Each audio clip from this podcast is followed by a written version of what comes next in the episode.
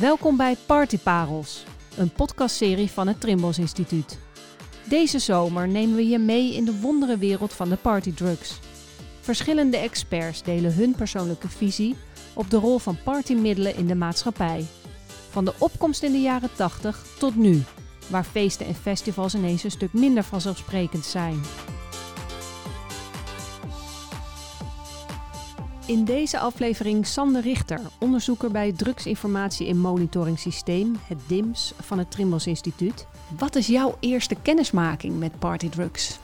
En ehm, mijn eerste ervaring met, met, met echte uh, lijst 1 of 2 middelen was toen ik 18 was, heb ik eens een keer, waar waren er jongens bij ons in de zesde klas van de middelbare school, die na het stappen met de alcohol bij de Swarma tent, die had je toen ook al, um, een jointje rookte. Dus dat was de eerste keer dat ik uh, zelf echte drugs uh, heb gezien.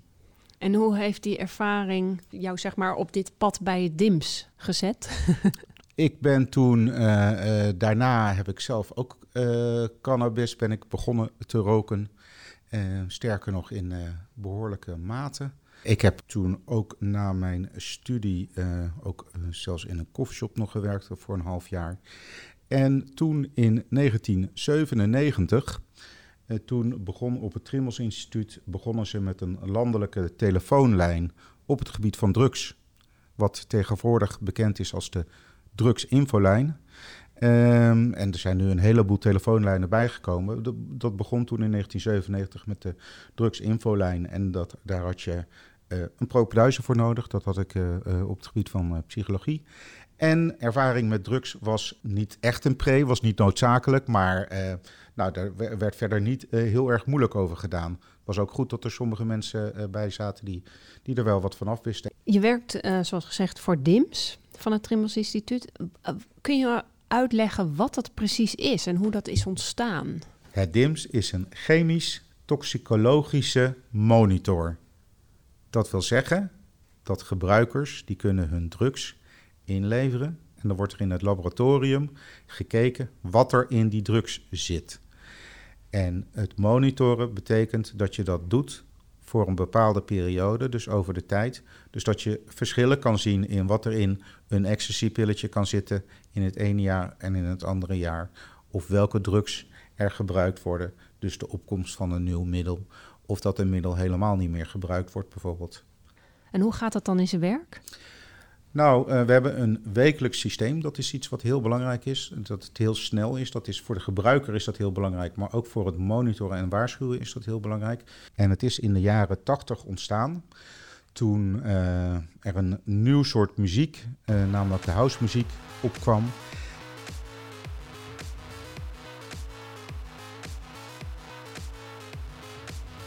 Toen was dat nog helemaal nieuw en tegenwoordig uh, heb je natuurlijk daar uh, gigantisch veel stromingen in. Um, maar toen was dat nieuw met uh, de gabber, met de housemuziek, met ook een nieuwe druk, de ecstasy. En eigenlijk ook met een, een nieuw soort druggebruiker, namelijk de recreatieve druggebruiker. En um, die mensen, daar, daar had, was de toenmalige verslavingszorg helemaal niet op ingericht. Want dat uh, waren gewoon mensen die 40 uur in de week werkten, een normale baan hadden en uh, af en toe eens een keer naar zo'n housefeest gingen en dan een pilletje of poedertje uh, gebruikten.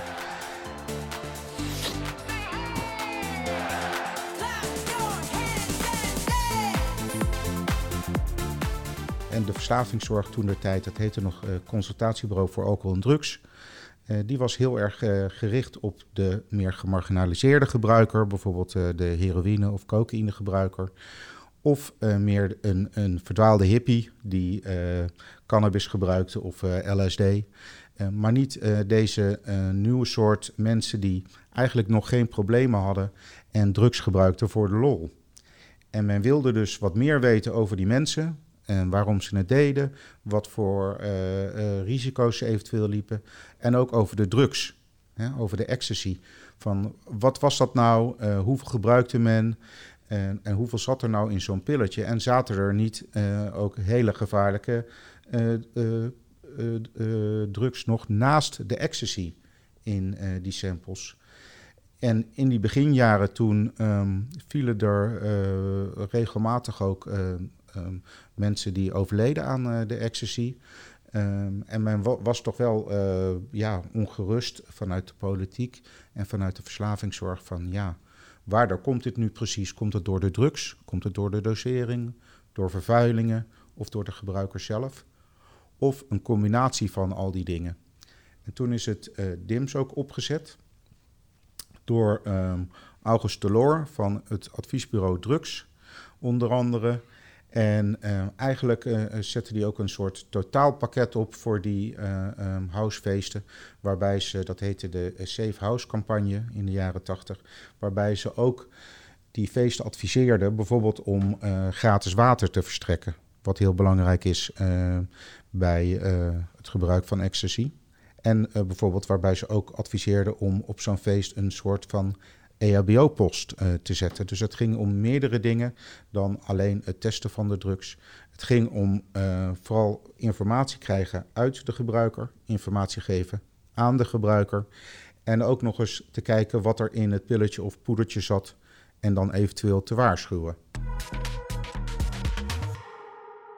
Vroeger uh, richtte DIM zich heel erg op, naast de gebruiker, ook op de dealers en de producenten. Tegenwoordig is het echt de gebruiker, de bevordering van de volksgezondheid. Nou loop je al heel lang mee. Kun je ons eens meenemen door de jaren heen? Het testen was in het begin, uh, in de beginjaren, eh, met name de jaren uh, uh, 80, is het testen eigenlijk begonnen vanuit, ja, vanaf de straat, vanaf het, hè, vanaf het, het, het dance-evenement. En het waren voornamelijk straathoekwerkers die contact hadden met jongeren. Maar er kwamen dus ook inderdaad in die tijd, werd er gewoon voor iedereen getest. Men dacht van als men voor een, dealer of een producent, dan weten we gelijk voor heel veel meer mensen ja, wat erin zit. Dus het werd echt ook eh, gedaan vanuit volksgezondheid. En men dacht als er een, voor een producent of een dealer, dan weet je gelijk voor al die gebruikers, weet je hoe dat zit. Dat mocht dus niet meer op een uh, later moment, omdat dat eigenlijk botst met het uh, beleid dat ecstasy um, een middel is dat op de opiumwet staat. En je mag dus niet zomaar testen voor iedereen. Je mag niet artikel 10a van de opiumwet die zegt van je mag niet willens en wetens meehelpen met het produceren of het handelen in drugs. Dus vanaf dat moment uh, is dat ook een belangrijk artikel geweest voor het DIMS. We mogen niet meehelpen aan uh, de handel en productie in drugs. Dus we doen het nog alleen maar voor die gebruiker zelf. En het is dus nu ligt het veel meer bij uh, preventieinstellingen dan bij een uh, de straathoekwerker. En ja, er zijn in, in al die tijd zijn er enorm veel verschillen geweest. In die beginjaren um, was, was er bij wijze van spreken nog geen internet. Of het speelde niet, niet een enorme rol in ons dagelijks leven. Dus mensen kwamen op zo'n feest of bij een instelling. En die deden gezellig bij een kopje koffie een gesprek. Dat werd op een papiertje geschreven en in een envelop gedaan met de drugs. En dat ging naar het Trimmels Instituut toe. En daar werden al die formulieren met een grote, groot apparaat werden die ingescand in de computer, in een database. En dan moest je nog heel erg controleren of alles wel juist door de, was ingescand door het, het apparaat. We hadden dus al wel computers. Hè? En uh, op het einde van de dag deden we dan wel een database met een e-mail naar het, uh, het uh, laboratorium. Maar bijvoorbeeld de, de die, ehm, die in de begintijd werden die nog getekend. Of daarna een enorme stap in de automatisering was dat we het onder het kopieerapparaat legden. En zo de, de nieuwe logootjes konden kopiëren. En uh, daar een foto van hadden van het nieuwe uh, duifje. En ja, tegenwoordig hebben wij een microscoopcamera waarmee we heel erg goede foto's kunnen nemen. Die ook bijvoorbeeld op websites en in de krant. En hè, daar waren echt enorme verzoeken van, van de media. Van ja, als je waarschuwt voor een bepaalde pil, dan moet je wel enorm goede foto's hebben. Dus tegenwoordig fotograferen wij bijvoorbeeld elke pil of poeder die bij ons binnenkomt fotograferen wij. Dat kost, eh, kost nu al eh, een enorm veel extra werk ten opzichte van toen. Ehm, dus ja, dat hele proces is in de loop van de jaren wel heel erg veranderd.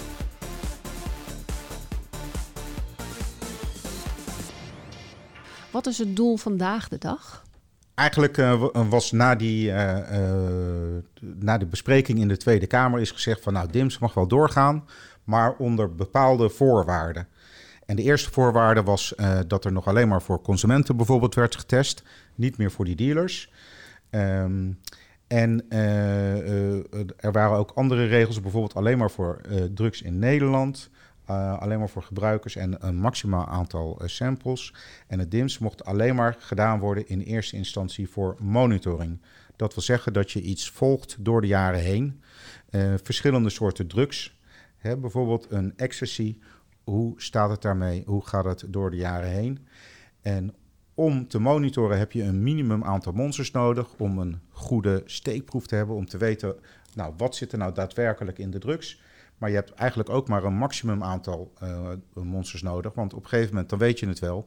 En uh, nog meer sampletjes testen zorgt er niet voor dat je een beter beeld krijgt. Van die drugsmarkt. Van die uh, specifieke drugs. Dus stel dat je voor ecstasy met een paar honderd sampletjes, dan weet je het wel. Dan hoef je niet duizenden samples op te sturen naar het laboratorium. Hè, dat, een gebruiker die zou dat wel, wel graag hebben. Die willen uh, allemaal willen ze dat hun sampletje naar het laboratorium gaat. Maar voor het systeem, voor het monitoringsysteem, is dat niet nodig. Met uh, uh, een paar honderd samples weet je ook wel wat er gemiddeld in een ecstasy-pilletje zit. Wat er vervuilingen zijn. Een ander um, iets waarvoor het DIMS nog door mocht gaan, waren vervuilingen of waarschuwingen. De Red Alert. De Red Alert. En eigenlijk, uh, waarschuwingen, dat, dat staat bekend van ja, als er uh, een andere stof in zit, dan is iets heel gevaarlijk. Maar eigenlijk de ecstasy zelf is natuurlijk ook al, heeft ook al risico's. En eigenlijk kan je dus op verschillende niveaus waarschuwen. Ten eerste al in het gesprek met de gebruiker die op de testservice komt. Daar kan je dan waarschuwen voor wat zijn uh, de risico's van ecstasy. Hoe kun je dat verminderen? Bijvoorbeeld de dosering, bijvoorbeeld goed drinken, uh, pauzes nemen tijdens het dansen en allerlei harm reduction tips. Uh, de tweede manier van waarschuwen is als wij bijvoorbeeld weten dat er iets op de markt is, mogelijk, maar waarin wij dat nog niet direct naar buiten brengen naar alle gebruikers. Want wij willen niet um, iedere week waarschuwen. En je ziet in sommige landen dat bij iedere pil boven de 150 milligram er een waarschuwing is. En in Nederland bij het testen hebben wij op dit moment 100 eh, pillen iedere week die boven de 150 milligram is. we kunnen niet 100 keer waarschuwen natuurlijk. Dus wij zijn redelijk selectief daarin. En eens in het, eens in het jaar, eens in de twee jaar hebben we een echte grote waarschuwing, een red alert, waarin we alle gebruikers Um, ja, soms regionaal laten weten dat er een bijzondere situatie is. En waarom het voorbehoud? om niet zo vaak te waarschuwen? Waarom zijn jullie daar anders in? Nou, niet zo vaak in uh, de algemene media. Wij waarschuwen natuurlijk wel de gebruiker individueel. En via uh, um, een, een, andere reden nog om het DIMS te doen is, is beleid. Dus je kan bijvoorbeeld, uh, je ziet dat er veel hooggedoseerde pillen zijn. Dan gaan wij niet uh, dus een waarschuwing doen in, de, in de media. Maar wij doen dat dan gericht via folders en flyers, via informatiestands op, op feesten. Daar wordt er extra aandacht aan dat soort risico's besteed. In plaats van dat je ehm, wekelijks met alle toeters en bellen in alle media aandacht ergens voor gaat vragen. Dat moet je alleen maar doen als, je, als er iets bijzonders aan de hand is, omdat anders de kracht van je waarschuwing ook verloren gaat. Dus, um, nou ja, voorbeeld. Eh, wij, hebben, een paar jaar geleden hebben we voor atropine in de cocaïne gewaarschuwd. Um, de, dan, dat is 2019 geloof ik geweest. 2020 um, hebben we, hadden we vrijwel geen waarschuwingen. Tot het eind van het jaar, toen zagen we dat er uh, op de cannabis uh, ja, allerlei uh, stofjes zaten die er niet op hoorden te zitten. Toen hebben we daarvoor gewaarschuwd. En onlangs hebben wij nog gewaarschuwd voor een pil verkocht als, DO, pil verkocht als 2CB, waar een hoge dosering DOC in zat. En dat is een nog veel heftiger tripmiddel. En er kwamen ook een aantal mensen van op de intensive care in het ziekenhuis. Dus de Tesla-pil was dat? De, een roze Tesla-pil. Daar hebben wij toen als laatste voor gewaarschuwd. Maar eigenlijk is het heel uitzonderlijk dat wij nu twee waarschuwingen achter elkaar hadden. Namelijk voor de cannabis, vervuilde cannabis en voor die DOC-pil. want eigenlijk komt het maar eens in een paar jaar voor dat wij echt een, een grote waarschuwing uitdoen. Ja, wat zegt dat? Hoe komt dat? Dat komt omdat wij eigenlijk heel erg uh, um, goed georganiseerd zijn in het land. Um, het, het, DIMS is een heel hecht netwerk. Um, wij, hebben, uh, wij zorgen ervoor dat alle partijen tevreden zijn. Dus ten eerste heb je zo'n gebruiker. Je moet niet te belerend zijn, maar je moet hem natuurlijk goede informatie geven. Hij moet anoniem moet op zo'n testservice kunnen komen. Um, dus wij hebben bijvoorbeeld afspraken gemaakt met uh, de, het landelijk OM dat het politiebusje niet buiten staat bij de testservice om ze op te pakken nadat ze binnen zijn geweest voor hun preventiegesprekje. Um, we hebben afspraken gemaakt dus met de politiek, waarin duidelijk is waarvoor het DIMS is. Alles is geprotocoleerd.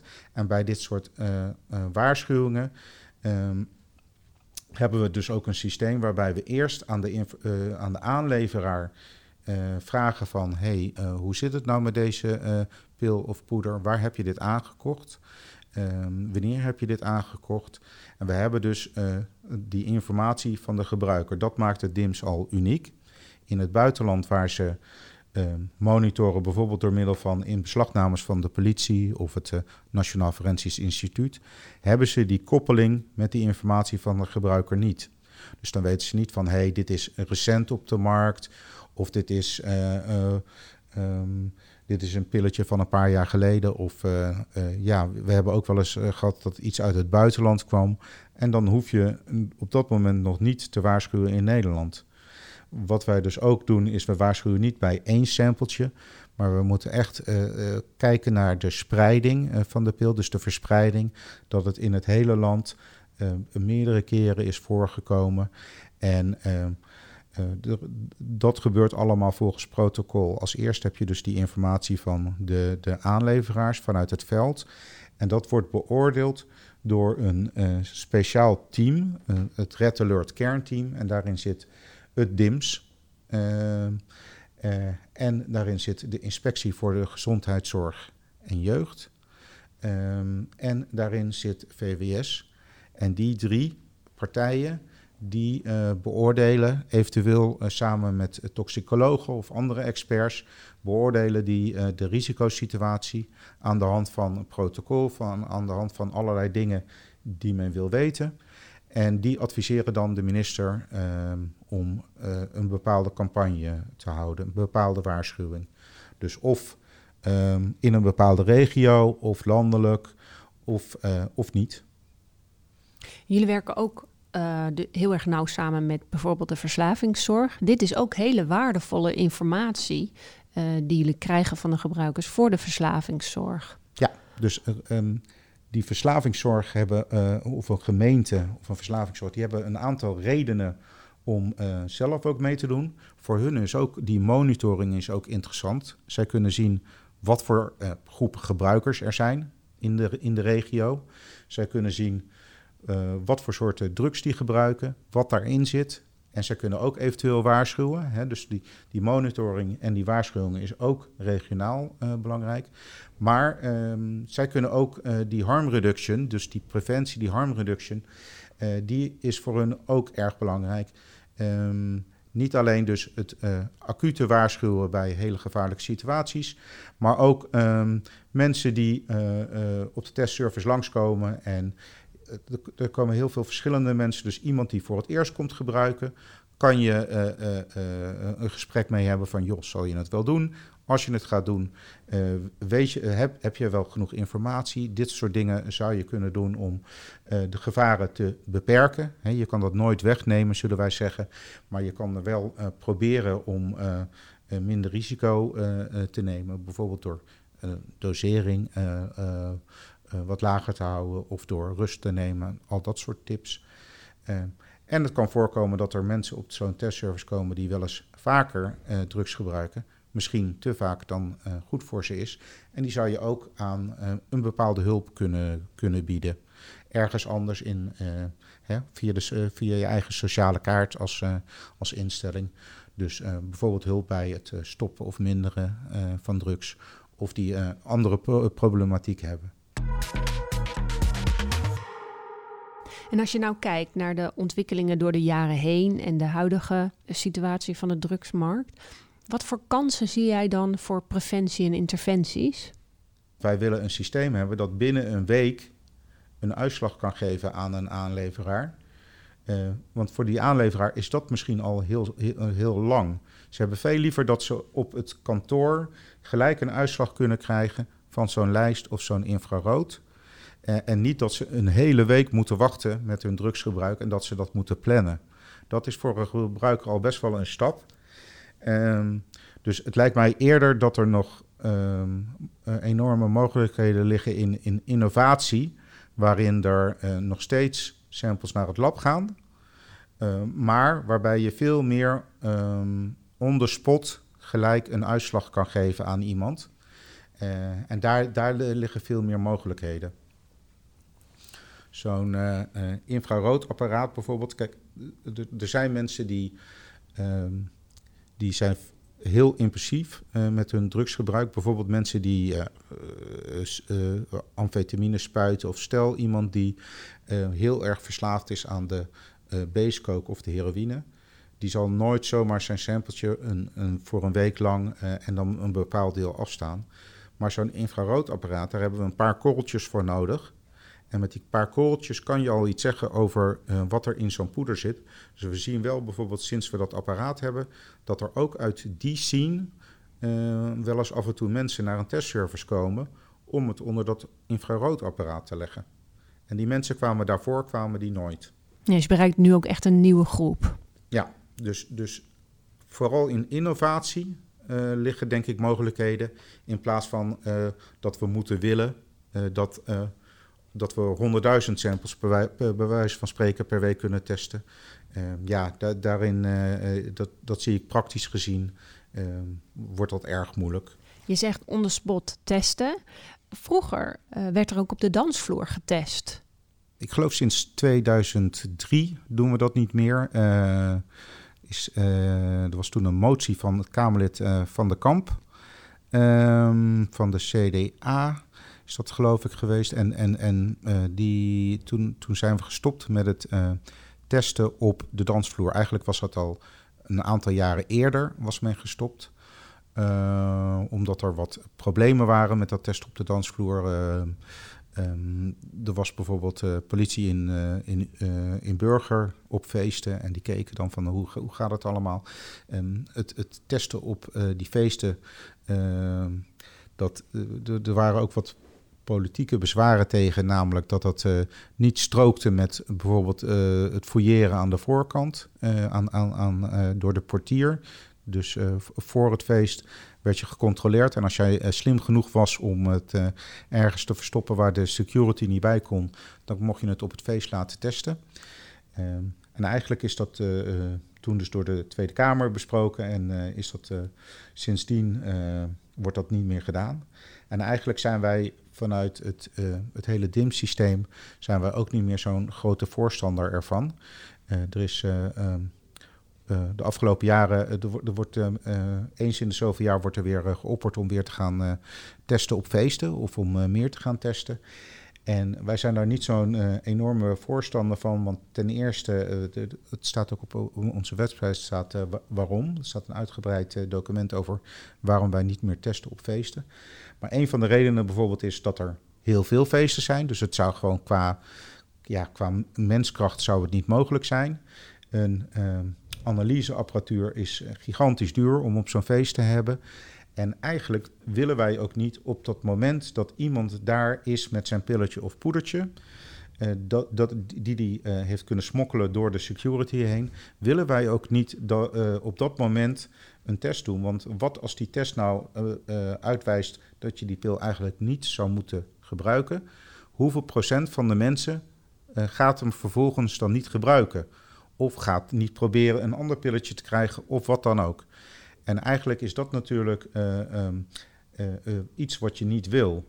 En mensen ehm, in zo'n situatie op zo'n feest, waar ze misschien al wat gedronken hebben of wat dan ook, die staan ook helemaal niet open voor een goed gesprek met de preventiewerker. Dus wij doen dat veel liever een week van tevoren uh, of een aantal dagen van tevoren, waarbij de gebruiker even in een rustige situatie uh, met een uh, preventiewerker kan zitten. dan dat we het op al die feesten doen. Um, wat ook ja, technisch gezien vrijwel onmogelijk is. Nou heeft het afgelopen jaar door COVID natuurlijk heel veel feesten hebben stilgelegen. Weinig festivals. Wat heeft dat gedaan met uh, het aantal testers, mensen die op die testlocaties zijn geweest? Het testen is eigenlijk uh, door de loop van de jaren heen um, zijn er meer in, instellingen gekomen. Wat voor ons als monitor heel erg goed is. Bijvoorbeeld twee jaar geleden is als laatste in Zeeland is er ook een, locatie bijgekomen in Goes. Dus nu zijn we in alle provincies hebben we een minimaal één testservice.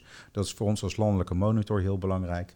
In het begin kwamen er uh, misschien 100 mensen per week op al die testservices.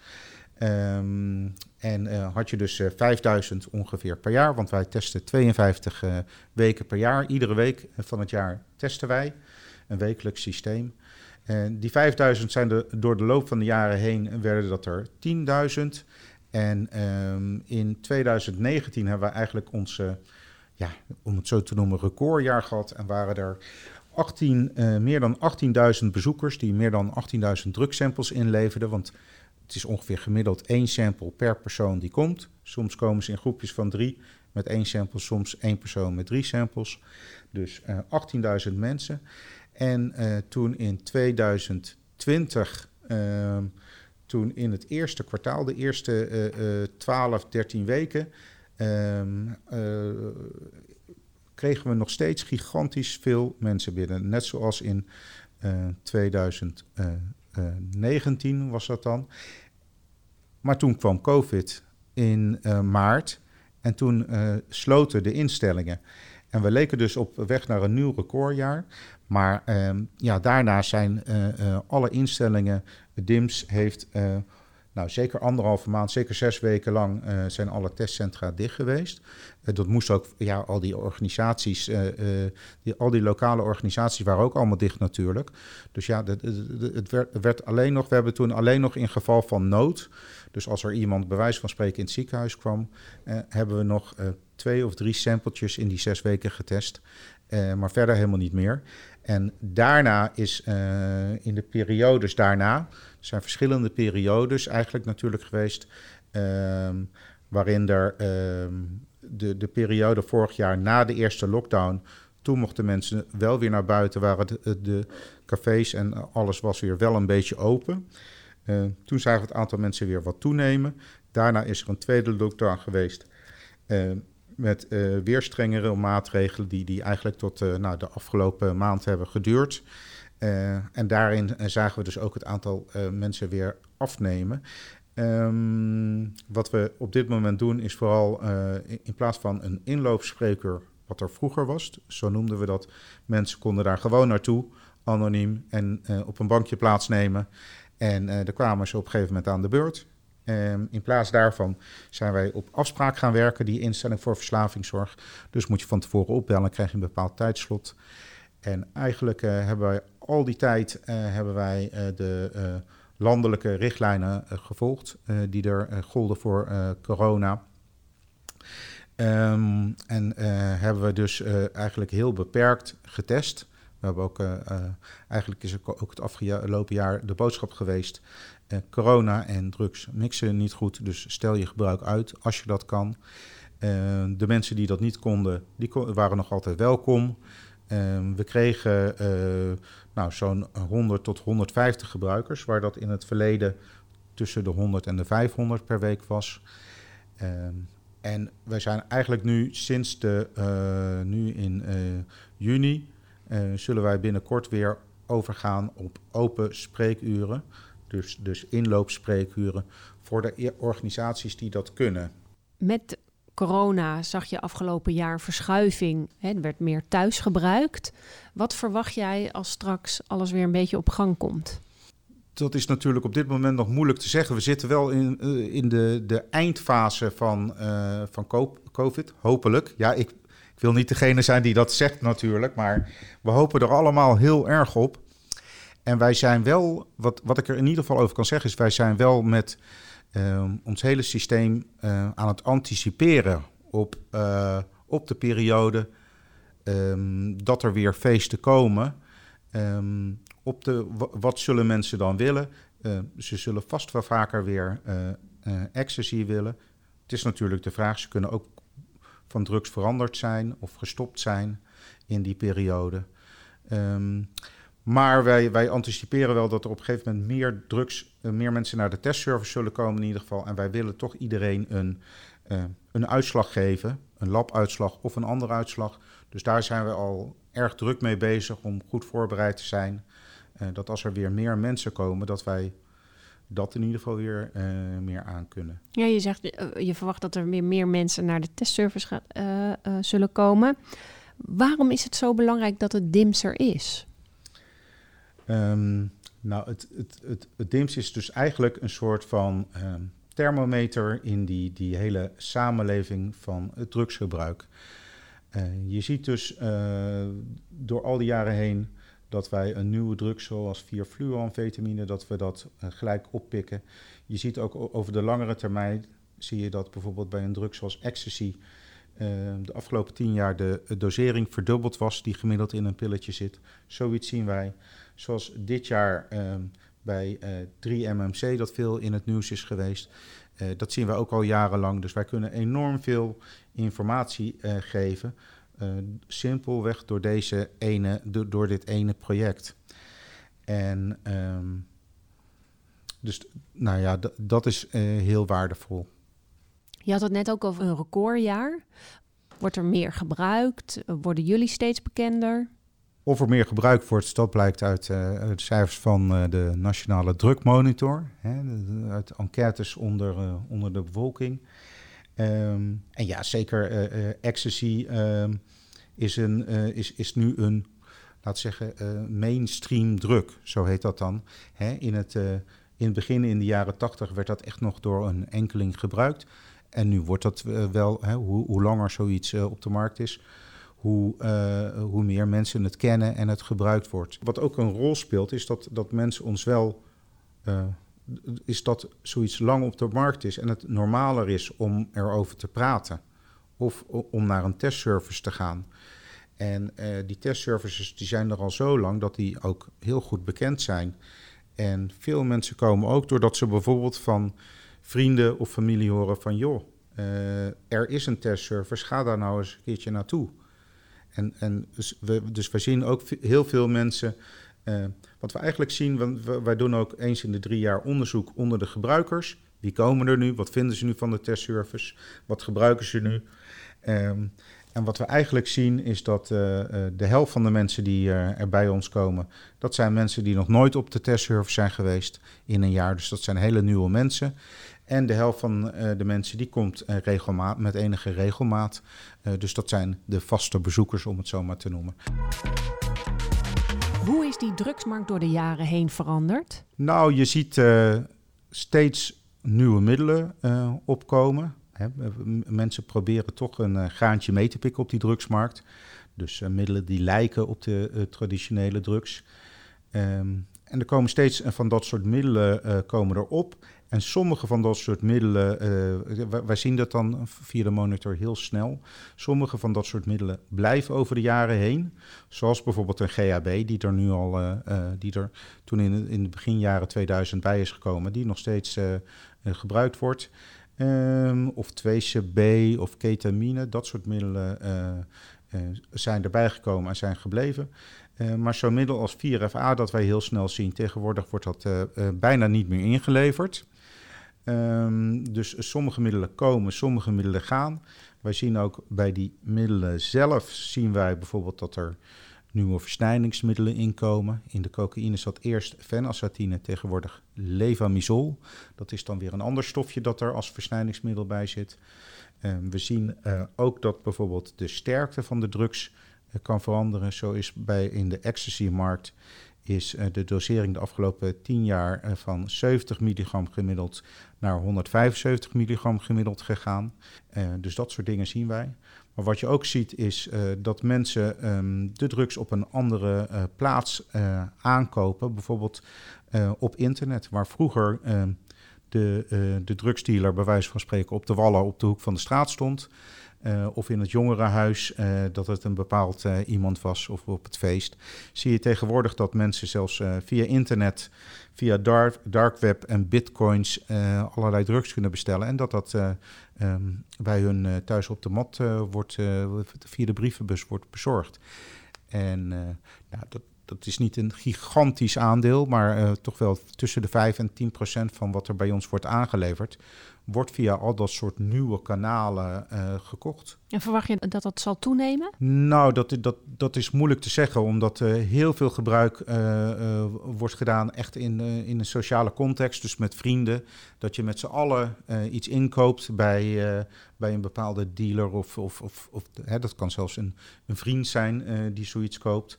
Um, dus heel veel um, mensen zullen het op die manier inkopen. In, uh, maar je hebt ook uh, veel individuele gebruikers. Um, die ook met name op zoek zijn naar veel nieuwe soorten drugs. En dat soort mensen proberen wel veel via internet drugs te kopen. En, maar ik, ik kan moeilijk inschatten of er nou.